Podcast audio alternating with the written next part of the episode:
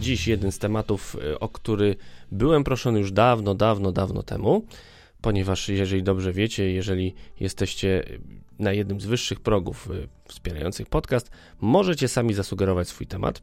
I tu taki temat został zasugerowany, to znaczy otwarte dane w transporcie publicznym, planowaniu przestrzennym. Co z tym może zrobić przeciętny samorząd w Polsce?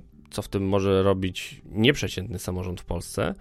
E, I jak te wrażenia, doświadczenia, wszystko co związane z danymi, transportem, przemieszczaniem się, infrastrukturą, jak możemy wykorzystać tego, żeby coś sobie poprawić?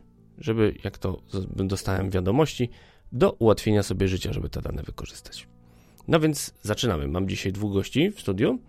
Krzysztof Gubański, jeden samochód mniej, e, ale również zawodowo e, Biuro Strategii i Analiz Miasta Stołecznego Warszawy. Cześć, witam cześć, cię. Cześć, dzień dobry. I jest ze mną Andrzej Jarosz, GIS ekspert, e, który współpracuje z Urzędem Komunikacji Elektronicznej, ale w CV ma dużo bogatsze i sporo rzeczy na otwartych danych już też robił. Cześć, witam cię serdecznie. Cześć, witam. Dobra, to może zacznijmy dość. Y, zazwyczaj te tematy, które zgłaszają słuchacze, staram się traktować możliwie szeroko, żeby e, podejść do danego tematu zupełnie e, inaczej, żebyśmy nie zagłębiali się znowu w to, że będziemy mówić o kolejnej aplikacji do wyszukiwania rozkładów albo znajdziemy jakieś e, oprogramowanie do układania rozkładów. Może spójrzmy na to z, z tej strony. Krzysztof, co tak naprawdę samorząd, bo Warszawa ma tych otwartych danych naprawdę dużo. Co tak naprawdę samorząd może mieć i co może przetwarzać, żeby e, wiedzieć o tym, co się dzieje w temacie transportu, przemieszczania się, mobilności, takiej infrastruktury też, no bo to też jest e, też infrastruktura, tak, bo jeżeli patrzymy na system przemieszczania się, to chociażby na przykład sieć e, dróg rowerowych i najróżniejszych miejsc, czy innej infrastruktury właśnie do przemieszczania się. Co samorząd może mieć w Polsce? Mhm. No to jest dobre pytanie. Ja w ogóle też wyjaśnię, że ja zajmuję się analityką ogólną e, w mieście, bo jakby Zarząd Transportu Miejskiego Warszawski też ma jakby swój zespół analityków, natomiast my e, operujemy na takim troszeczkę wyższym poziomie i też korzystamy z ich danych. E, I właśnie na miejscu każdego samorządu bym w ogóle sobie zadał pytanie o taką inwentaryzację, to znaczy właśnie co mamy, co, co możemy mieć, bo bardzo różnie to może wyglądać. No to są czasami bardzo takie techniczne informacje, na przykład dotyczące w ogóle zapełnienia e, pojazdów, tak? I oczywiście współcześnie to się już automatyzuje, tak? Czyli są kamery w pojazdach albo są jakieś tam czujniki na wejściu, ale taka właśnie na przykład ciekawostka, e, też się ostatnio dowiedziałem, że przy zamówieniach taboru to różnie z tym bywa, czy to jest zamówione właśnie jako osobna usługa, czy to jest zamówione od razu z taborem i podtrzymanie tego systemu. Także wiem, że niektóre samorządy się na przykład na tym temacie przejechały i miewają luki w danych, tak? Albo miewają systemy, które są niekompletne i na przykład muszą jakoś ekstrapolować e, tą liczbę pasażerów, e, bo, no bo po liczbie samych kupionych biletów, które jest oczywiście interesujące jak gdzieś tam z budżetowego punktu widzenia, no to ciężko coś wnioskować o samym ruchu na konkretnych liniach, czy tam, czy tam w konkretnych obszarach, no ale mm, mówię, to zapełnienie linii, jak wiadomo, ono jest kluczowe. E, dalej, no to jest kwestia punktualności, czy też, no nie wiem, no takiego w ogóle mapowania ruchu. No też już współcześnie większość jednak tego, tego co jeździ, no jest podłączone już do systemów GPS-owych, tak, i jakby w ten sposób to się po prostu liczy, ale w ogóle kwestią mm, która interesuje powiedzmy samorządy, a niekoniecznie wszystkim się kojarzy z transportem, jest na przykład demografia. To znaczy próba zmapowania w ogóle, ile my mamy osób w mieście, e, albo inaczej, bo nie używam nawet słowa mieszkańcy, tak? bo w kontekście transportu to nie jest wystarczająco precyzyjne określenie, tylko ilu mamy tych użytkowników systemu, ilu mamy użytkowników tej usługi publicznej, bo to jeszcze musimy brać e, pod uwagę dojeżdżających, tych, którzy właśnie nie mieszkają, ale są spoza, ale pracują albo się uczą. E, no tutaj w Sukurs mogą też pójść na przykład dane z, z telefonii komórkowej. No to jest jakby coś, co no, niestety trzeba kupować na rynku, no jakby same miasta tego nie, nie wytworzą, ale I, po, i, i tu też jakby na, na swoich doświadczeniach mogę powiedzieć, że jeżeli ktoś coś takiego zakupi, to bym się nie bał analizować tych danych sam, bo czym innym jest kupienie danych, a czym innym jest kupienie usługi analitycznej. I polecam jednak takie rozwiązanie, żeby kupować surowe dane i próbować analizować samemu, bo się wtedy można dowiedzieć więcej i ciekawszych rzeczy, a nie, że się dostaje taką czarną skrzynkę i proszę bardzo, tutaj są odpowiedzi, no ale nie na wszystkie nie na wszystkie pytania. E, no bo ta kwestia w ogóle, ile mamy osób, ile potencjalnie będzie korzystało z, tej usługi publicznej, jaką akurat jest transport, ale też z każdej innej, no jakby też jest, e, też jest kluczowa. No czyli to są takie chyba pierwsze strzały, które mi przychodzą do głowy, tak? Czyli ile w ogóle mamy osób, potencjalnych użytkowników, jakie mamy zapełnienie yy, i yy, bo jakby osobną kwestię to są takie rzeczy biznesowe, czyli te tak zwane wozokilometry, tak, no bo wozokilometry to jakby są raczej potrzebne do jakiegoś tam rozliczeń też finansowych, albo jeżeli mamy podwykonawców w tym systemie transportowym, no to jakby na to się zużywa bardzo dużo energii to jest oczywiście bardzo, e, bardzo ważne jakby z punktu widzenia takiego no, planowania finansowego, tak. E, ale o to raczej wydaje mi się, że no jakby jeżeli ktoś już ma takie umowy podpisane, to raczej, raczej dba, no bo wtedy na przykład ci podwykonawcy są po prostu zobowiązani, no żeby to wszystko w miarę szczegółowo raportować. Oczywiście super, jeżeli to są różni podwykonawcy i raportują wszystko w ten sam sposób, tak, to też się warto pewnie takim tematem e, zainteresować. Okej, okay, ale tu mamy naszą działalność samorządową, nazwijmy to z tej strony gdzie właśnie samorząd zbiera dane jako on, ale jeszcze mamy też dane otwarte jakby, jakby z zewnątrz. Mamy dane otwarte, które możemy zebrać w postaci na przykład y, mapy y, i mamy dane otwarte, które samorząd może sam wyprodukować, czyli właśnie chociażby te rozkłady jazdy. Andrzej, jakie mamy możliwości tak naprawdę tak, tutaj no, na wejściu i na wyjściu? Znaczy, myślę, że e, e, w tej całej układance to chyba jest najistotniejszy taki ogólny problem, bo to nie dotyczy samorządów, to dotyczy tak samo biznesu, czegokolwiek. E, I to jest problem taki e, e, prosty, który opiera się na tym, że żeby coś mieć albo wykorzystać coś, to na początku to trzeba sobie zrobić, zebrać. To wszystko się nie bierze z niczego. I, i takie bardzo klasyczne podejście, właśnie typowo biznesowe, polega się na tym, że a dobra, no to kupię jakieś gotowe rozwiązanie, gotowe dane, wrzucę gdzieś i będzie dobrze. E, no zazwyczaj nie będzie dobrze, bo najcenniejsze te dane, które mogą być dotyczące naszej działalności, pochodzą od nas z wewnątrz. E, I tego nikt za nas nie zrobi. E, to jest mrzonka, że ktokolwiek y, to zorganizuje i da się to w całości outsourcować. Oczywiście można się wspierać, tak? Natomiast e, sam pomysł w ogóle zbierania i organizacji danych, no myślę, że musi pochodzić z wewnątrz, bo inaczej się po prostu nie da. E, ktoś musi o to się troszczyć. I, i właśnie tak na początku, żeby nie było tak lekko i przyjemnie, no to niestety na początku trzeba zorganizować cały proces, potem ciułać te informacje, a po jakimś czasie dopiero nabuduje się taką bazę, która stanowi jakąś wartość, jest jakaś dynamika, jakaś zmienność. Można z tych informacji e, wyciągać jakiekolwiek wnioski. Także na początku niestety trzeba trochę pocierpieć, bo to wymaga jakichś nawet nie za dużych inwestycji, bo e, dane to nie jest infrastruktura jakaś taka, zwłaszcza twarda, która kosztuje jakieś miliony czy miliardy. E, natomiast wymaga jednak uważności, staranności i przede wszystkim konsekwencji. Mm, bo jak mamy właśnie na przykład serię stan- ustandaryzowanych danych, która obejmuje powiedzmy nie wiem, miesiąc, rok albo jeszcze parę lat, no to to już ma naprawdę bardzo dużą wartość. E, jeśli urwiemy, no to właśnie o czym wspominałeś, że są, są, jakieś dziury, coś tam się zepsuło, nikt nie zadbał, e, no to się okazuje, że, że mamy te, te informacje rozsypane i one są mało wiarygodne albo trudno je wykorzystać.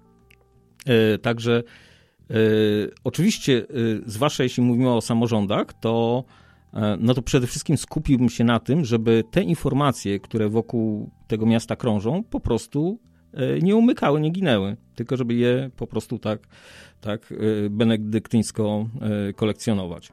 Mm, w jakiś uporządkowany, mniej czy bardziej sposób. E, a jeśli tych informacji już trochę mamy, no to zawsze możemy znaleźć jakichś specjalistów, ekspertów, wesprzeć się jakąś wiedzą, e, chociażby akademicką, mm, czy wolontariuszy, chociażby jeśli mówimy o e, OpenStreetMapie, no to jest cała rzesza ludzi zogniskowanych wokół tego, mm, mm, tego projektu, którzy są pomocni i, i zawsze da się oczywiście z takich kompetencji skorzystać. E, natomiast przede wszystkim właśnie zatroszczyłbym się o dane swoje. Tak jak właśnie wspominałeś o, o e, tych wszystkich licznikach w autobusach, e, e GPS-ach i tym podobnych historiach, no to po prostu przede wszystkim to trzeba mieć, ale to jest mały problem, bo to się kupuje i się ma. Duży problem jest taki, że to ma działać. I jak się zepsuje, to natychmiast trzeba interweniować, bo te dane, które się zgubi, już się ich nie odtworzy. E, także to też nie są pieniądze, tylko to jest organizacja i konsekwencja przede wszystkim. Okej. Okay. Zakładamy, że mamy jakiś jeden losowy powiat w Polsce, który chce trochę coś ogarnąć ze swoim transportem, czyli chce zbudować sieć transportu e, publicznego. Mamy mniej lub bardziej otwarte, ponieważ te dane są powiedzmy na przykład dostępne. Na przykład są to dane o liczbie głosujących w obwodach.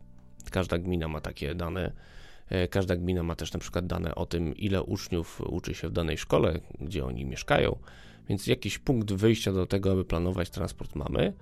No i teraz jak z wykorzystaniem tych danych, które są publiczne, choć nie są dostępne w pełni, no bo nie każdemu, nie będziemy mówić każdemu, gdzie kto mieszka, bo mamy ochronę danych osobowych, no ale mamy, mamy te dane, mamy narzędzie GIS-owe, mamy mapę, e, tu już oczywiście w moim podcaście był temat gisowy. Kto chce więcej zgłębić samo, samą tą specyfikę narzędzi gisowych, to tam odsyłam. Natomiast z, załóżmy, że mamy to i mamy właśnie naszą wolontaryjnie stworzoną OpenStreetMapę. Co możemy z tym zrobić dalej? Mm, znaczy, jeśli mówimy o OpenStreetMapie, no to przede wszystkim mówimy o warstwie y, danych otwartych y, i to znaczy, to jest chyba najlepsza rzecz, e, jaka istnieje w internecie, i to jest e, jedna z nielicznych oaz wolności, takiej absolutnej. Nie ma lepszej mapy na świecie, żadnej komercyjnej nie ma lepszej. No, drugi taki projekt to jest Wikipedia, ale rzeczywiście OpenStreetMapa to jest, to jest chyba no, coś absolutnie wyjątkowego. Każdy może z tego korzystać. Narzędzi jest od groma. E, do dyspozycji i w zasadzie też wszystkie narzędzia komercyjne, otwarte, jakiekolwiek, y, y, są w stanie e, czytać i konsumować te dane. Jeśli mówimy o, o właśnie warstwie dotyczącej y, demografii, czy jakichś jakich pojów, generatorów ruchów, czy tego typu historii, które mają y, znaczenie dla planowania transportu, no to oczywiście tutaj mamy całą masę rozmaitych źródeł danych. No takim pierwszorzędnym źródłem to chyba jest GUS jednak. E, no tutaj też jest taka pomoc, że GUS zainwestował pieniądze europejskie w jakieś rozwiązania typu e, geoportal statystyczny, także jest narzędzie online'owe, które da się e, wykorzystywać, no oczywiście nie w jakiejś tam mikroskali miejskiej, tak, bo takich danych tam po prostu nie ma. Natomiast w jakimś tam na poziomie regionalnym, a i owszem, już tak. No jeśli chcemy zejść na właśnie jakiś tam niższy poziom, no to tutaj się kłania właśnie taki typowo GIS, y, typowy GIS, y, no bo te wszystkie dane miejskie, moim zdaniem praktycznie wszystkie są przestrzenne, to nie ma danych, które nie są przestrzenne, tak naprawdę. E, y, I do tego no, też jest rozwiązanie całkowicie darmowe jak QGIS, które jest kombajnem, który jest w stanie te wszystkie dane przetworzyć, zagregować, przeanalizować. Tam można podłączyć całą masę E, e, dodatkowych y, pluginów, które już są dedykowane już pod konkretne potrzeby. Mm. Myślę, że akurat na tym poziomie e, to największym problemem są kompetencje. Jednak właśnie nie pieniądze, y, tylko kompetencje. Mm. No i tutaj no, życie i mniejsze miasto, jeśli nie ma właśnie jakichś tam ośrodków akademickich, no to z tym jest trudniej, żeby na miejscu takie kompetencje E, organizować, to prawda, e, ale też można się o to postarać. no właśnie z całym szacunkiem dla na przykład powiatu żagańskiego czy chrubieszowskiego, trudno sobie wyobrazić, żeby, żeby powiaty tej wielkości y, tworzyły swoje biura y, analiz. Jak można by taką wiedzę o, o tym, jak sobie radzić z otwartymi danymi y, propagować, jak można by to rozwijać, Krzysztof? Jak z Twojego mm. doświadczenia w pracy w samorządzie, ja wiem, że zupełnie innej skali, ale gdybyśmy spróbowali jakoś przełożyć to, jak, jak można by próbować tą, tą wiedzę, tą tą strukturę budować, tak? Nawet niekoniecznie musi być wielka struktura, to może mogą być jedne, dwie osoby na właśnie powiat czy, czy średniej wielkości miasto, ale to jak... Zazwyczaj tak wygląda z tego, co ja wiem. To też nie jest tak, że znowuż nasz zespół analityczny to jest jakiś na przykład gigantyczny, bo to jest tylko pięć osób na całą, na całą Warszawę. Natomiast y, takie rzeczy się już dzieją i to w zasadzie będę już reklamował, nie wiem, na przykład działalność y, Instytutu y, Rozwoju Miast i Regionów, tak, który ma tą tam Wojtek Łachowski rozwija tą taką inicjatywę Integrator Danych Miejskich, która jest właśnie skierowana do miast różnej wielkości, właśnie nie tylko tych dużych graczy y, i jakby jej celem jest właśnie taka wymiana doświadczeń.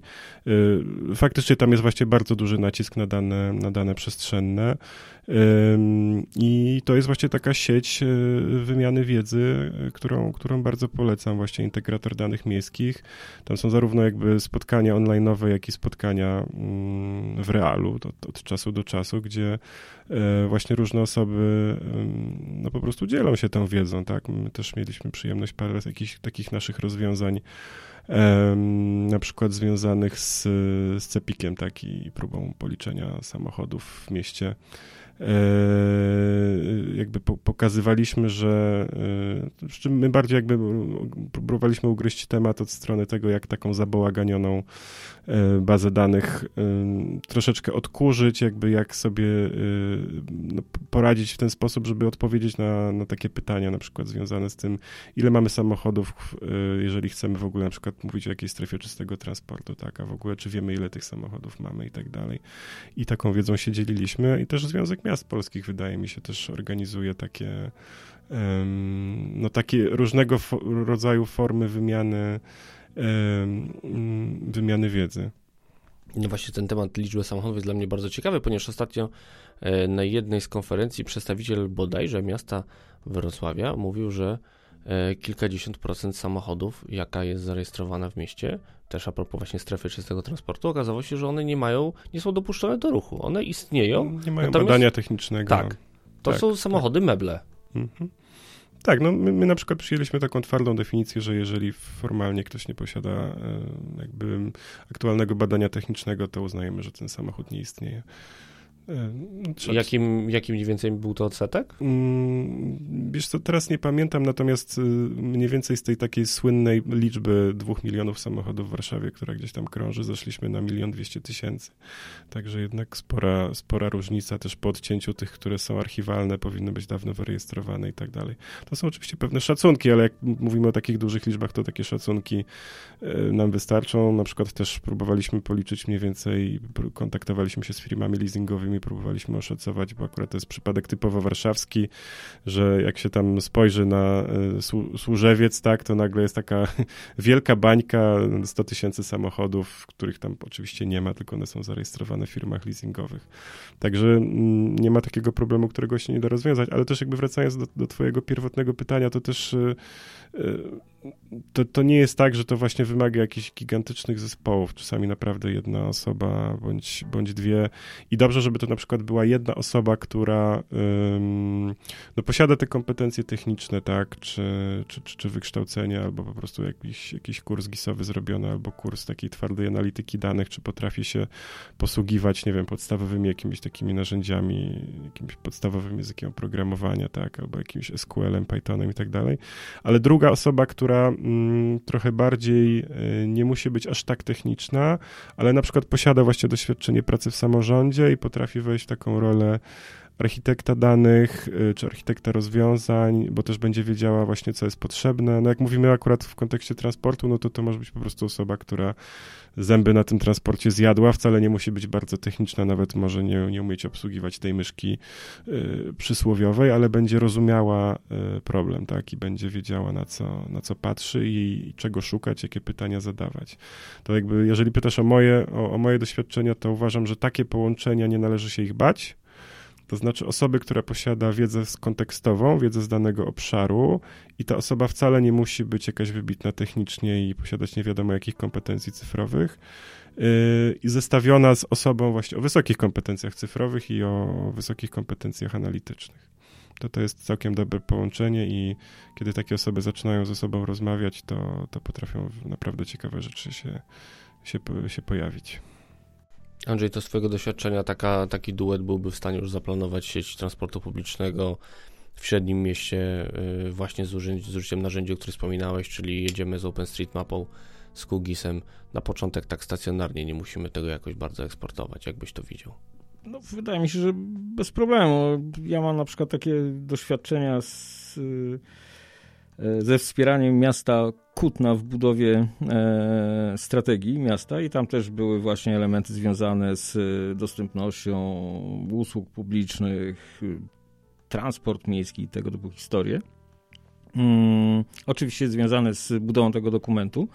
E, no ale jak się tam zebrało te dane, e, a i tutaj też, znaczy ja funkcjonowałem tam jako właśnie ekspert, no to pierwsza rzecz, pierwsze pytanie, yy, pierwsze pytanie jakie miałem, okej, okay, no to można coś zrobić, ale to po waszej stronie jest organizacja wszystkich informacji, tak? Jeżeli wy dowiedziecie te informacje właśnie o tych swoich mieszkańcach, o czymkolwiek, tak? Co się da wyjąć, e, bo na przykład z praktyki e, to też wiem, że o ile na przykład informacje dotyczące edukacji, yy, właśnie jakichś, nie wiem, śmieci, tak, czy, czy, czy takich rzeczy, które są e, w gestii samego miasta, to nie ma problemu, tak? Natomiast jeśli chodzi o przedsiębiorstwa komunalne, no to też to może być państwo w państwie, że już nie wszystkie informacje są dostępne, bo coś tam, coś tam. Bo właśnie na przykład jest korpus analityków, który e, kontroluje e, wypływ informacji, no tak jak to w życiu bywa, nie zawsze współpraca między rozmaitymi podmiotami wygląda, e, wygląda tak płynnie i każdy ma jakieś tam powiedzmy swoje, e, swoje interesy. Natomiast tak, oczywiście, jeżeli miasto dowiezie informacje, a całą masę da się zebrać, no to potem, potem właśnie przy jakiejś wiedzy takiej, takiej analitycznej i z drugiej strony właśnie bliskiej współpracy z takim lokalesem, który po prostu jest przywiązany do E, do tej ziemi i zna e, wszystkie problemy w szczegółach e, i jest w stanie znaleźć relacje między tymi informacjami zwykle liczbowymi, a jakimiś faktami rzeczywistymi, tudzież na przykład zdiagnozować, że te informacje są bezwartościowe, przypadkowe, że to jest tylko i wyłącznie szum i z tego nic nie będzie, no to właśnie taka, taka wiedza, wiedza lokalna jest absolutnie niezastąpiona. Mm, I no dziś to nie jest problem przy powszechności pracy zdalnej, bo da się po prostu takiego człowieka e, znaleźć na drugim końcu Polski i współpracować nawet zdalnie.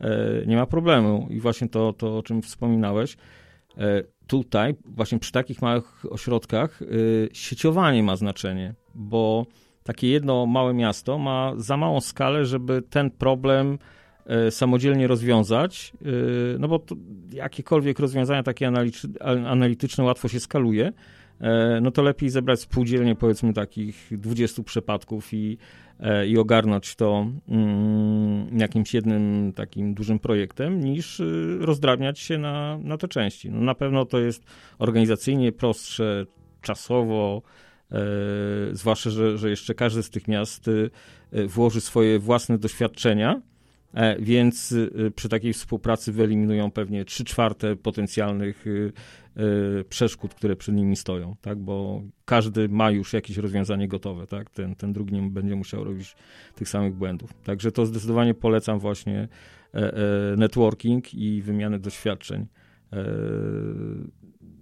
między sobą, tak, to, to chyba jest A najcenniejsze. czasami to są takie triki pod tytułem, jak sformułować pismo do ministerstwa, żeby dostać dok- dokładnie te dane, o które nam chodzi, żeby każdy nie musiał wyważać już od, otwartych drzwi.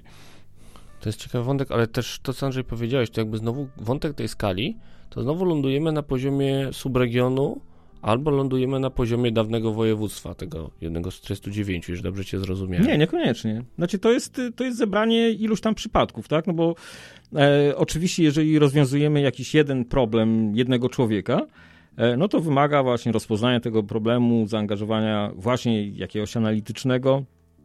E, no i też mamy taką małą skalę, gdzie mało widać, tak? A jak już tych przypadków sobie pozbieramy, kompletnie losowo nawet, to nie ma znaczenia, czy to jest to samo województwo, no, jeżeli ten sam kraj, no to wygodniej, tak? E, ale cała reszta jest drugorzędna. Mm, ważne, żeby te miasta były podobne i te problemy były podobne, tak? Żeby znaleźć tą część wspólną, tak? Czy to będzie Żagań i, e, i Ełk, tak? To nie widzę w, w tym żadnego problemu. Okej, okay. załóżmy, że zaplanowaliśmy sobie tę sieć transportu, ja tego trochę trzymam się tak mocno, e, bo głównie, głównie tego dotyczył temat za danymi. Natomiast, jak, tak jak Krzysztof wskazywał, ten, tych wątków jest znacznie więcej. Mamy tę sieć zaplanowaną i to, co na wyjściu jest, yy, co już się pojawiało u mnie w podcaście, to jest właśnie ten tajemniczy e, format, albo mniej tajemniczy, GTFS. I co z tym mm, samorząd mógłby zrobić dalej? Bo generalnie w GTFS-ie mamy przystanki, mamy rozkłady. Co jeszcze mamy? Znaczy, jeśli chodzi o GTFS, to yy, samorząd przede wszystkim, wydaje mi się, mógłby produkować dane właśnie w tymże formacie. Nie konsumować, produkować. Czyli przystosowywać się do standardów i te dane, które sam wytwarza, od czego zaczęliśmy, że właśnie warto jednak samemu tworzyć te dane, na początku jakkolwiek, ale potem je standaryzować, po to, żeby było łatwiej je konsumować i po to, żeby było łatwiej używać standardowych narzędzi do obsługi tych danych. E, także gorąco, gorąco polecam właśnie wszelkie standardy, jakie by one tam nie były. E, zazwyczaj, jeśli nie wiemy, mm, jak można coś zrobić, to, to da się poszukać y, w rozmaitych źródłach i zazwyczaj ktoś jakieś standardy już wymyślił, e, więc lepiej się tego trzymać niż wymyślać koło na nowo. E, Także y, jeśli mówimy właśnie o tych danych takich typowo y, transportowych, tak, czyli, czyli właśnie linie, przystanki, e, rozkłady jazdy, e, no to oczywiście można to w miarę dowolnie zapisać, e, ale potem bardzo dobrze jest to przetłumaczyć właśnie na ten standardowy format i opublikować jako otwarte dane. I opublikować wszędzie, gdzie można z góry do dołu, bo e, do, e, do samego tego formatu GTFS-owego, czyli właśnie takich powiedzmy bardzo określonych danych są integratorzy, którzy zbierają właśnie tego typu informacje po to, żeby na przykład jakieś aplikacje, które do tego służą, typu właśnie jak dojada albo cokolwiek takiego, mogły łatwo z tego korzystać. Ale z drugiej strony są oczywiście też, e, też takie miejsca, gdzie, gdzie publikuje się wszelkie otwarte dane, chociażby dane gov.pl, tam oczywiście jest miejsce darmowe do, e, e, do przechowywania rozmaitych zasobów, to też polecam. Tam można wrzucić i nie trzeba się martwić o miejsce, bo to rząd organizuje. E, ale jak mamy na przykład jakieś serwisy, no to można opublikować chociażby źródło do serwisu. E, i ta wyszukiwarka jest centralizowana i tam jest naprawdę cała masa danych, czy one są lepsze, gorsze w takim czy innym standardzie, to już drugorzędne, ale przede wszystkim tam są zebrane e, otwarte dane, przynajmniej z terenu kraju, tak? Czy one są z administracji rządowej, samorządowej, czy, czy skądkolwiek indziej z prywatnych firm to już kompletnie obojętne, bo, no bo to jest taki, taki powiedzmy pojemnik na informacje o wszelkich danych otwartych, także też gorąco polecam tam zaglądać. To jest y, dobry punkt startowy. Jakie są twoje doświadczenia, Krzysztof, jeżeli chodzi właśnie o wymianę danych otwartych pomiędzy właśnie rządem, samorządami? Jak, jak, jak to wygląda z twojej perspektywy? Hmm, znaczy właściwie tutaj nawet trochę się y, z własnej praktyki uderzę w pierś, że my, mm, kiedy powiedzmy zaczęliśmy tworzyć jakiś tam ten nowy sposób analizy danych y, w urzędzie, to Przyznam, że trochę na początku temat otwartych danych po naszej stronie odpuściliśmy, ale to dlatego, że Warszawa tak czy siak ma portal otwartych danych, który już funkcjonuje, nie wiem, z 80 lat, także nie chcieliśmy mm, na razie psuć tego, co jest, tylko bardziej skup, skupiliśmy się na takim aspekcie e, dostępności tych danych i tego, żeby te dane coś tłumaczyły też e, na zewnątrz, tak? Czyli bardziej się skupiliśmy na takim użytkowniku końcowym, czy to są mieszkańcy, radni, e, nie wiem, organizacje pozarządowe, czy też po prostu eksperci zainteresowani jakimś tam konkretnym wycinkiem rzeczywistości w mieście. I na przykład zaczęliśmy tworzyć, nie wiem, bazę jakichś dashboardów, tak, czy, czy, czy, czy wizualizacji.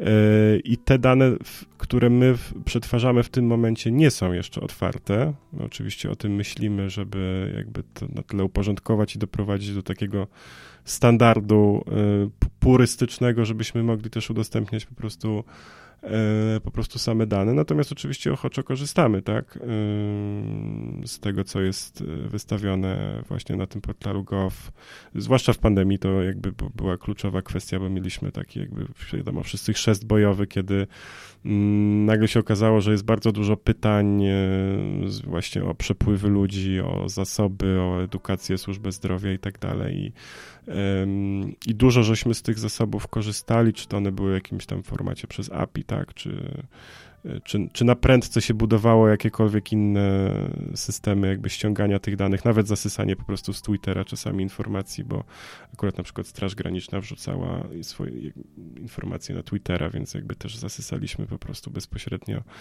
e, bezpośrednio stamtąd. I, i my się raczej skupialiśmy na tym, żeby to jakby właśnie centralizować, agregować, wystawiać na zewnątrz w formie ogólnodostępnej, ale no mówię, nie, nie mieliśmy wtedy ani mocy przerobowej, ani też jakby te dane nie były wystarczająco wyczyszczone, żebyśmy też mogli je dopuścić my na zewnątrz jako, e, jako otwarte dane.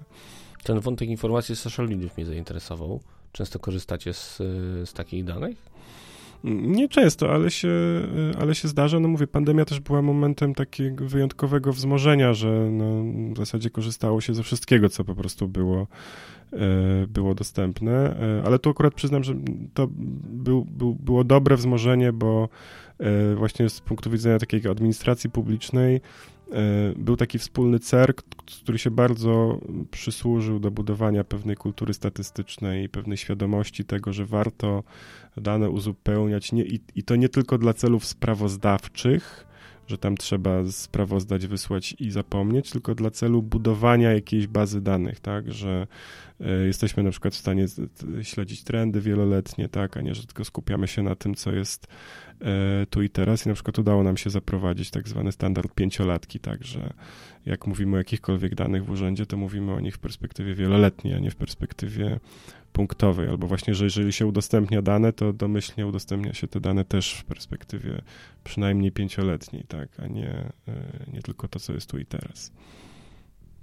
To jeszcze magiczne trzy literki API. Jak, jak z waszego punktu widzenia wygląda to w kwestii właśnie otwartych danych? No mówię, nie będę się wypowiadał o tym, co jest udostępniane przez Urząd Miasta Warszawy, bo to jest nie moja działka. Tym się akurat zajmuje. E, Ale spróbujmy z drugiej strony. Ty tak. jak korzystasz z danych, to, mhm. to gdzie, gdzie, gdzie widzisz zastosowanie API? Czy, czy w ogóle to w tym momencie jest jeszcze, czy, czy już to jest sposób udostępniania danych? Bo na przykład CEPIK ma bardzo mhm. fajne API, właśnie o czym mówiłeś, jeżeli chodzi o samochody. Tak, ale niekompletne.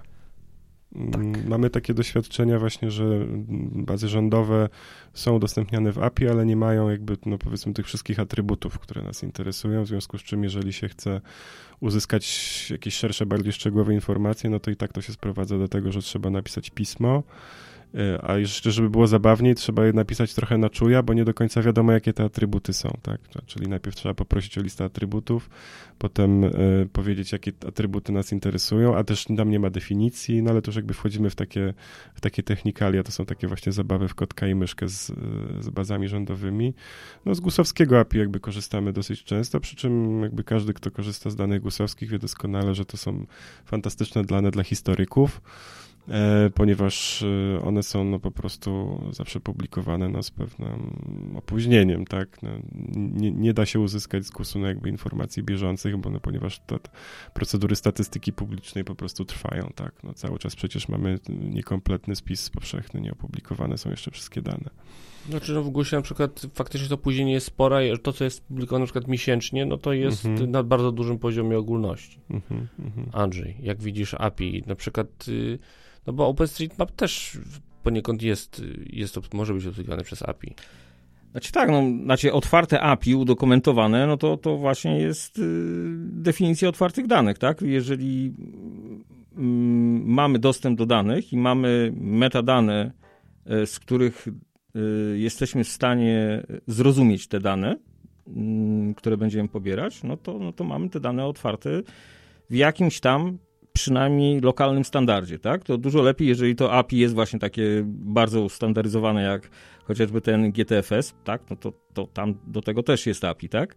E, tylko, tylko tam nie ma niespodzianek, tak? Że z góry wiemy, co dostaniemy, niezależnie od tego, jakie to jest miasto, jaki to jest kraj, gdziekolwiek, tak? Wszystko jest tak samo. E, natomiast mm, właśnie to, co wspominałeś, to jest moim zdaniem bardzo istotna rzecz. Ja na przykład tak osobiście jestem ortodoksem e, i uważam, że e, właśnie najlepszą robotę, jaką w, między innymi w Polsce robi, to robi Watchdog Polska. Dlatego, że wszystkie dane, które są generowane przez instytucje publiczne, czyli rząd, administrację, samorząd, obowiązkowo są czy powinny być dostępne dla każdego obywatela. I to nie ma znaczenia, czy one są przygotowane, nieprzygotowane, kompletne, jakiekolwiek, ale yy, tak, jeśli chodzi o dostęp do informacji publicznej, to tak czy inaczej każdy urząd musi, czy powinien to robić, tak? Czy przyzwoitość nakazuje, żeby udostępniać wszystko, ale to wszystko, bez żadnego wyjątku. E, I właśnie na przykład takie, takie rozwiązania, no to, to jest też takie oczywiste, ludzkie, tak, że a tutaj może tego nie zrobimy standardowo, bo to jest problem, to może sobie zbudujemy takie rozwiązanie zamknięte od początku do końca, bo to łatwiej kontrolować, to wszystko jest prawda, tak? Tylko, że na koniec dnia wychodzimy właśnie z takim hermetycznym rozwiązaniem typu, e, e, typu rozwiązanie komercyjne, tak? Tylko, że to jest taka komercja publiczna, gdzie na końcu się robi właśnie znowu jakaś taka, takie zamknięte środowisko, właśnie z zamkniętym dostępem. E, nie, to nie są otwarte dane, to nie są otwarte aplikacje, to nie są otwarte rozwiązania, to jest właśnie zaprzeczenie tego wszystkiego. To, to lepiej tak nie robić. To, e, znaczy, bardzo łatwo e, wpaść w tą pułapkę, bo ona jest z wielu względów wygodna, tak? I przynosi też szybko dobre rezultaty. Natomiast, natomiast myślę, że jednak właśnie dostęp do danych no to jest jedna z największych wartości. E, zresztą no to właśnie na tym opiera się e, magia otwartego oprogramowania, bo skoro każdy ma dostęp do kodu, to dużo łatwiej go zweryfikować, dużo łatwiej wyłapać wszystkie błędy, no i to jest ostatecznie korzyść dla wszystkich. Mm, no to też wydaje mi się, że nie trzeba się wstydzić tego, że, że, że, dane mogą być błędy, mogą zawierać jakieś dziwne informacje, yy, znaczy nie informacje, tak, tylko dziwne dane. E, Im więcej ludzi ma do tego dostęp, im więcej ludzi z tego korzysta, tym jest większa szansa, że te dane się wyczyści. Także to polecam dzielić się.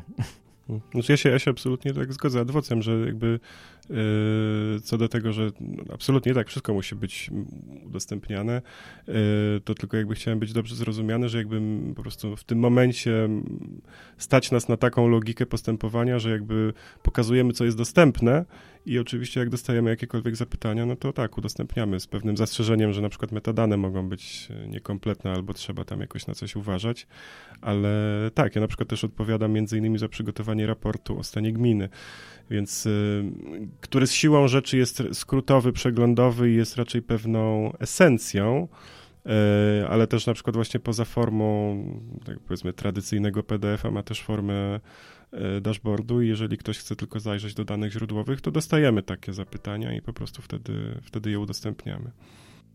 Znaczy otwartość jest trudna, tak, co zasady, tak, no bo to im więcej się otwiera informacji, im więcej daje się narzędzi, e, tym więcej ludzie widzą, tym trudniejsze pytania stawiają, tak, no to, to z tym też trzeba się zmierzyć. E, no ale to właśnie na tym polega demokracja, że nie musi być zawsze łatwo, natomiast chodzi o to, żeby jednak znajdować dobre i skuteczne rozwiązania. Też mi się Także... wydaje, że nie ma z tym aż takiego, znaczy mówię, na tyle mogę, tak powiem, swojego doświadczenia i też z kontaktów z innymi samorządami, nie wydaje mi się, żeby ta otwartość była współcześnie aż takim problemem, nawet tam na poziomie decydentów, że jednak ten paradygmat, że jakby podejmujemy decyzje polityczne w oparciu jednak o jakieś dane, tak, i to całe data-driven policy się chyba jednak jakoś przyjęło, ale zamieszanie jest na takim poziomie mm, właśnie trochę według jakich standardów to robić, y, czy to jest wystarczająco dobre, czy to już właśnie się nadaje do udostępnienia, czy może jednak powinniśmy, nie wiem, właśnie jakoś wystandaryzować. No do, dokładnie to wszystko, o czym mówiłeś, tak? Czy robimy teraz swoje rozwiązanie specjalnie pod siebie, czy kupujemy jakieś rozwiązanie na rynku i to są tego typu dylematy, z którymi ludzie się pracując, że tak powiem, w tej branży trochę mierzą. No ale to też te, ten problem, o którym wspominałeś z cepikiem, tak? No to no, teoretycznie właśnie to jest otwarte, dostępne i tak dalej, a w praktyce jest różnie, tak? Że okej, okay, otwarte, ale Właśnie, ale na przykład, no, y, jak to zwykle bywa z dostępem do informacji publicznej, e, no to nie od ręki jest otwarte i za pieniądze jednak, bo to wymaga jakiegoś tam przetworzenia, zatrudnienia jakichś ludzi i tak dalej, i tak dalej. E, no i się zaczynają kłopoty, bo na przykład y, jeśli to kosztuje jakieś rzeczywiste pieniądze, tak, no to, to pytanie, czy ktoś ma na to budżet, czy nie ma, zapewne może nie mieć, tak. No i druga sprawa, że to jeszcze kosztuje jednak y, trochę czasu. Mm, no i może się okazać, że, że ta informacja jest y, mało wartościowa.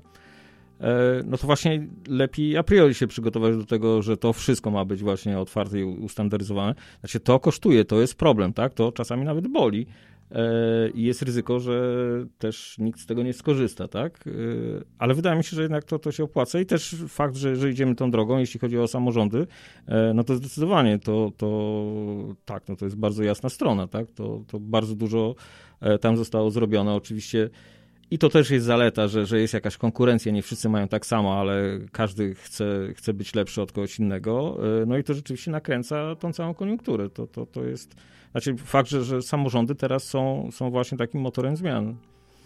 Z jednej strony tak, ale też właśnie to, co mówiliśmy o publikowaniu danych, to też Krzysztof mówić na początku, właśnie dane jakiejś realizacji umów, no dobrze byłoby mieć możliwość, chociażby będąc też z punktu widzenia samorządowców, mieć dostęp do prostego benchmarku, ile sąsiad wydaje na komunikację, a ile za to dostaje, a ile dostajemy my, bo może my przepłacamy, a może na odwrót, to my coś, my, my wydajemy mało, a sąsiad wydaje dużo.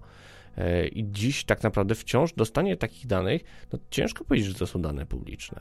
E, też już jakiś czas temu był mnie y, dr Michał Wolański, też współpracowaliśmy przy zbieraniu, ja z nim współpracowałem przy zbieraniu danych do, też do jego pracy habilitacyjnej. No nie ukrywam, że w wielu przypadkach, to już było parę lat temu, ale w wielu przypadkach było bardzo ciężko dostać dane, żeby dowiedzieć się, E, po pierwsze właśnie za co na przykład samorządy płacą w temacie chociażby transportu publicznego, ale też, też właśnie na zupełnie innych, w innych aspektach okazywało się, że tych danych brakuje właśnie dotyczących jakiejś strefy płatnego parkowania, e, jakichś stref e, uspokojonego ruchu. To było bardzo trudno w ogóle porównać między samorządami, a już absolutnym może użyję dużych i mocnych słów, ale z pewnym skandalem i grandą jest to, że tak naprawdę najlepszy benchmark danych o komunikacji publicznej, czyli tej, które miasta finansują z publicznych pieniędzy, jest biuletyn Izby Gospodarczej Komunikacji Miejskiej, który jest ciężko po prostu płatny. To jest po prostu są, jest zbiór danych, które, y, za które trzeba po prostu zapłacić poważne pieniądze, mimo że mówimy tu w całości o transporcie organizowanym mm -hmm. ze środków no tak, opłata za przetworzenie, tak.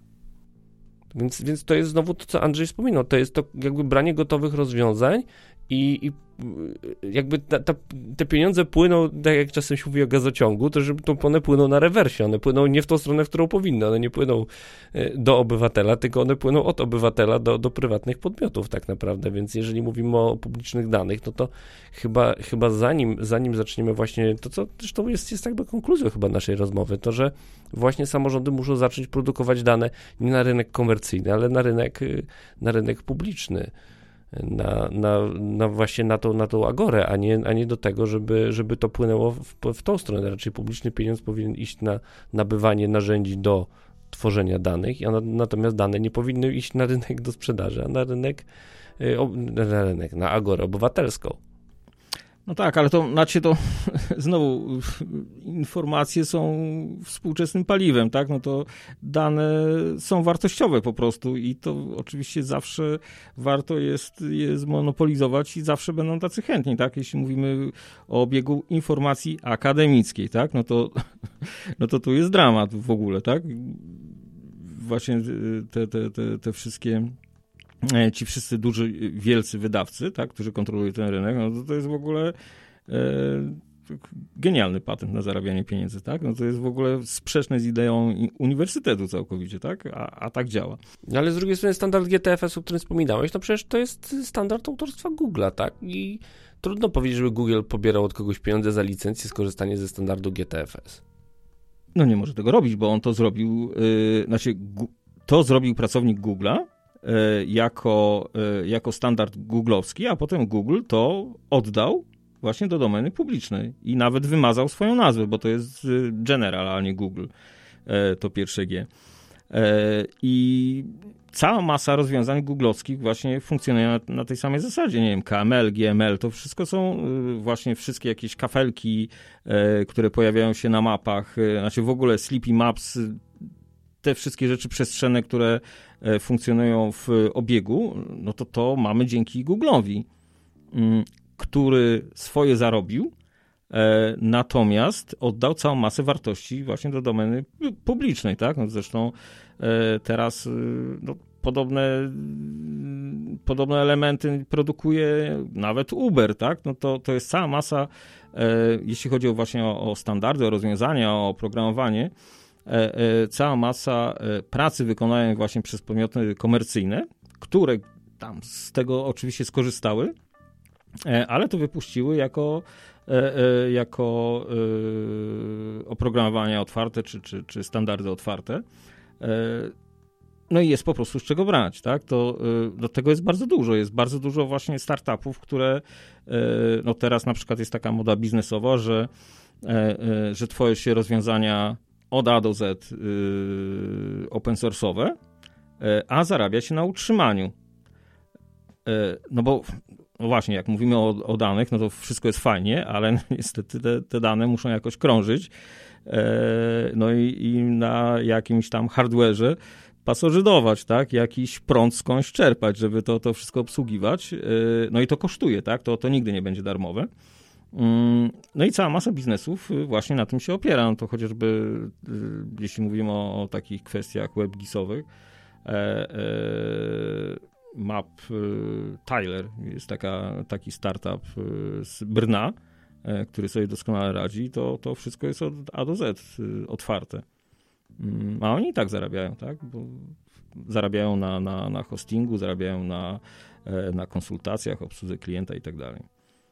Mm, także nawet jeśli mówimy właśnie o, o, o jakichkolwiek y, y, otwartych danych, otwartym oprogramowaniu, e, no to też jednak te wszystkie rzeczy kosztują, tak? Na koniec dnia jednak jakiś człowiek też nie będzie za darmo pracował całej masy godzin, trochę może tak, ale, e, no ale jednak jakieś koszty są, tak?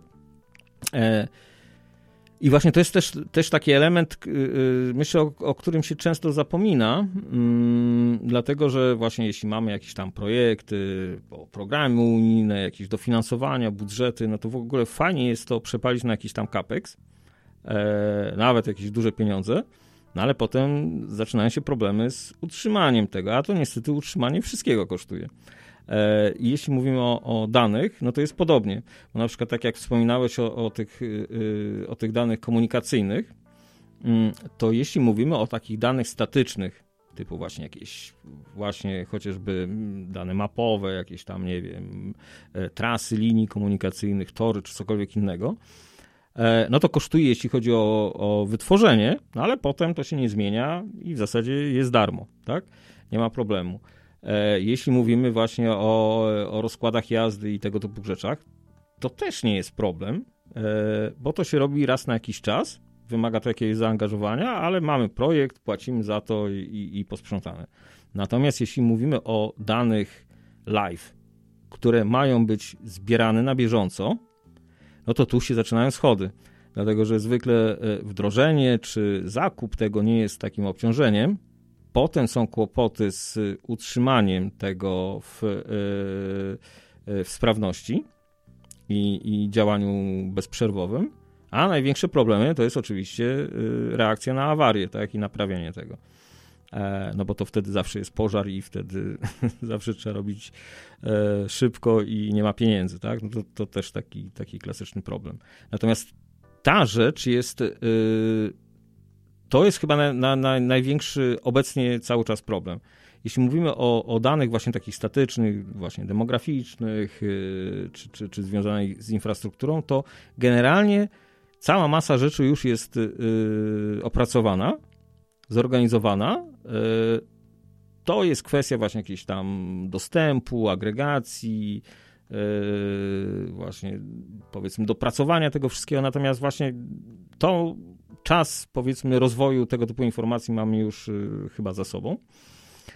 Problemem właśnie są te dane, które, które żyją, tak? które, które są aktualne na teraz, dotyczące stanu obecnego, zwłaszcza jeśli chodzi o mobilność, tak? bo tego, tego jest dużo, wszystko się rusza i tych danych jest rzeczywiście cała masa. I to wymaga jakiegoś tam przetwarzania, mocy, mocy obliczeniowej, e, utrzymania tego wszystkiego. E, no i no to niby nie są nowe rzeczy, e, ale to cały czas one jednak wymagają uwagi i, i takich rozwiązań, które, które będą się sprawdzały. E, no bo ta kwestia zdecydowanie nie jest rozwiązana na, na jakimkolwiek poziomie, tak? Nawet jeśli nie, nie mówimy o jakichś tam danych GSM-owych, tak? które są tam komercyjne, kupowane od właśnie jakichś tam prowajderów, e, no ale takich prostych informacjach właśnie chociażby jak zapełnienie autobusów, tak? Takie, takie typowo futbolowe historie, tak? Typu, nie wiem, ruch na ulicach, cokolwiek takiego. Zresztą to się da też analogowo zmierzyć. Oczywiście, że znaczy to, to, znaczy to, to znowu w dużej, w dużej liczbie no to jest jakieś tam wyzwanie. E, natomiast jeżeli to jest analogowe, no to trudno y, potem te dane przekazywać dalej, tak? To, to nie da się tego automatyzować, no trzeba gdzieś wtłoczyć w jakąś tam formę cyfrową po to, żeby dało się rozsiewać, tak? I, i agregować i wykorzystywać wtórnie. E, tak, i tutaj tak, to, to, to myślę, że, że, że bardzo dużo przed nami. E, znaczy, jaka jest gigantyczna zaleta, że GPS jest po prostu straszliwie tani. Ja nie wiem, ile właśnie taki odbiornik GPS dzisiaj kosztuje, pewnie 2 dolary. E, I w zasadzie załatwia wszystko według jednolitego standardu. Tam w zasadzie no to, to jest najprostsza rzecz, jaka, jaka może być. Każdy to rozumie, każdy potrafi to przetwarzać. E, także każdy autobus, teraz każdy chyba tir nawet jakiś z towarem, który jeździ, no to, to praktycznie chyba wszystko ma GPS-y, tak? Także, także w teorii te wszystkie urządzenia są tanie, straszliwie powszechne, bezproblemowe. E, no tylko potem problem jest właśnie z, z zarządzaniem e, obsługi tych danych, które napływają, bo przede wszystkim tego jest dużo. tego jest dużo i, tego, i to jest naraz, tak? I, I jeżeli się tego nie obsłuży, to to zniknie. Mm, no i no to jest wyzwanie. A propos utrzymania hardware'u, to przypomniała mi się taka ciekawostka, tak, że tramwaje warszawskie się teraz chwalą, że będą miały tą nową zajezdnię, gdzie na przykład właśnie kwestia też serwisowa, um, który tam tramwaj ma zjechać i, i, być serwisowany i jakby ile tam, ile kilometrów wózek przejechał i tak dalej, też ma być jakoś tam w pełni zautomatyzowana i one mają być tam kierowane na odpowiednie tory, ale mm, co jakby, no, no, pozwala jakby zaoszczędzić jakby, ale to też jakby to jest rodzaj informacji, który można zbierać, tak? Natomiast mówię o tym, bo mm, bo pomyślałem sobie jeszcze o, o, takim powrocie trochę do początku, czyli po co w ogóle to robić, tak? W sensie, no bo to, to nie jest tylko taka zabawka, żeby, yy, żebyśmy się mogli pochwalić, że nie wiem, że mamy smart city, tak? Albo wprowadzamy nowoczesne rozwiązania, no tylko jakby to, co też może przekonywać potencjalnie ostatecznie jakichś tam decydentów, to jest, yy, co oni z tego mają, tak? A mają potencjalnie dużym uproszczeniu powiedzieć, żeby powiedzieć oszczędności, albo przynajmniej nie marnowanie zasobów, tak? Bo tutaj rozmawialiśmy przed, przed nagraniem, mówiłeś o tym y, sposobem na poprawę transportu publicznego, nie wiem, poprzez zwiększenie taktowania, tak, czy, czy częstotliwości. Um, Czy w ogóle ogarnięcia tego, bo dzisiaj tak. niestety jak spojrzymy, to w wielu miejscach y, ten transport publiczny jest robiony tak, jak był 20 lat temu robiony w PKS-ie, tak? Jest to w dużej mierze robienie na oko. Trochę na oko, trochę na wyczucie, trochę oczywiście na doświadczenie osób, które gdzieś tam to robią od x lat, a można to ich doświadczenie po prostu wzmocnić, tak? No, takimi realnymi danymi, żeby właśnie nie trzeba było tego robić czasami metodą prób i błędów yy, i, i zobaczyć właśnie, czy tam zwiększenie, czy zmniejszenie na tej trasie jakby realnie jest potrzebne, albo czy nie ma, nie wiem, jakiegoś po prostu dodatkowego czynnika w danych, który, nie wiem, pozwoli nam wyjaśnić jakieś zaburzenie na, na jakiejś trasie. Nie wiem, dlaczego nagle wszyscy się o jakiejś bardzo dziwnej porze dochodzą głosy mieszkańców, że nie wiem, ta linia jest przepełniona, chociaż w zasadzie nie powinna być. Albo dlaczego ten autobus się opóźnia w tym miejscu? Chociaż nie powinien. E, tak, ale znaczy, wydaje mi się, że to chyba dotyczy wszystkich danych takich, takich live, zwłaszcza jeśli mówimy o danych mobilnych, no to, to w ogóle 100%. E, znaczy, Y, potrzeby analityczne wydaje mi się, że zawsze będą drugorzędne. Pierwszorzędne to będą potrzeby właśnie bieżącej konsumpcji przez, przez całe rzesze ludzi tego wszystkiego. No właśnie chociażby takie informacje o położeniu autobusu, e, no to to jest w ogóle gigantyczna różnica dla takiego pasażera, tak? No bo albo ma coś napisane e, na rozkładzie jazdy, co jest jakimś tam powiedzmy przyrzeczeniem, e, albo ma e, rzetelną informację, jaki jest stan faktyczny, tak? No to, to, to jest w ogóle zmiana kolosalna, tak? Jeśli mówimy o jakichkolwiek danych mobilnych, no to, to zawsze właśnie takim, takim rynkiem, który umożliwiał rozwijanie się tego, była reklama targetowana cała analityka to, to, to jest zawsze, to są zawsze mniejsze pieniądze, tak? No, czy mówimy o Google, o Facebooku, o czymkolwiek, tak? To, e, no to się generalnie utrzymuje z reklamy. Jeśli mówimy właśnie o nawet o otwartych y, danych i otwartych rozwiązaniach związanych właśnie z takim, e, e, z transportem publicznym, to na samym końcu są jakieś aplikacje, E, dla użytkowników i wydaje mi się, że to w ogóle nawet bardzo dobrze, że one nie są e, otwarte, a są komercyjne. E, one zwykle nie są płatne, są utrzymywane z reklam, ale myślę, że akurat ten model biznesowy jest bardzo dobry, tak? bo na tym da się zarobić, zarabia się na wyświetlaniu tego, E, no ale przede wszystkim są pieniądze na to, żeby to rozwijać, tak? Żeby, e, żeby kreować wartość, która wcale nie jest taka prosta do uzyskania, jaką jest tam wygoda obsługi, funkcjonalność i tak dalej, i tak dalej, bo no tak, to, to, to musi kosztować, to nie jest takie proste. Mm, natomiast dzięki temu też e, jest sanie na generowanie tych danych, są jakieś tam powiedzmy fundusze, którymi można się podzielić i dzięki temu właśnie taka analityka ma się czym karmić, tak? E, bo jest takim, powiedzmy, konsumentem wtórnym tego wszystkiego. E, I, i, i bez, e, bez tych pierwotnych konsumentów to w ogóle by się nie zdarzyło. No, cała masa rzeczy by się nie zdarzyła w sieci, gdyby tak to nie działało. Media, tak, to dokładnie ta sama historia. Żebyśmy nie rozlekli tematu, to postawimy tu dzisiaj kropkę ale pewnie ten temat jeszcze będzie wracał. Zobaczymy, jakie będą opinie słuchaczy. Czekam na opinię, czy waszym zdaniem temat y, wykorzystania danych, tych otwartych, tych mniej otwartych, tych zbieranych przez samorząd i tych, które można pozyskać właśnie ze źródeł innych, e, waszym zdaniem został wykorzystany. A na dziś moim gościom dziękuję. Andrzej Jarosz, Krzysztof Gubański. Dziękuję. Dzięki bardzo. Tradycyjne zakończenie nie może zabraknąć podziękowań dla patronów podcasta, w szczególności tych, którzy korzystają z biletów okresowych, a są to Piero, witamy ponownie, Paweł Szczur, Tomasz Tarasiuk, Andrzej Kaszpil-Kaźmirowski, Monika Stankiewicz, Petr Jancowicz, Łukasz Filipczak, Jacek Szczepaniak, Jurek Gozdek, Piotr Rafalski, Grzegorz Kenik, Jakub Burdziński, Jakub Kundzik, Piotr Gramacki, Hubert Peliński, Piotr Kasiński, KMZ, Jacek Piotr Cegiełka, Mariusz Herhold, Paweł Jaworski, Marcin Moskal, Piotr Kamiński, Patryk N., Maciej Iwanowski, Jakub Nowotarski i Marcin Włodarski. Jeszcze raz dzięki za wsparcie i do usłyszenia w następnym odcinku.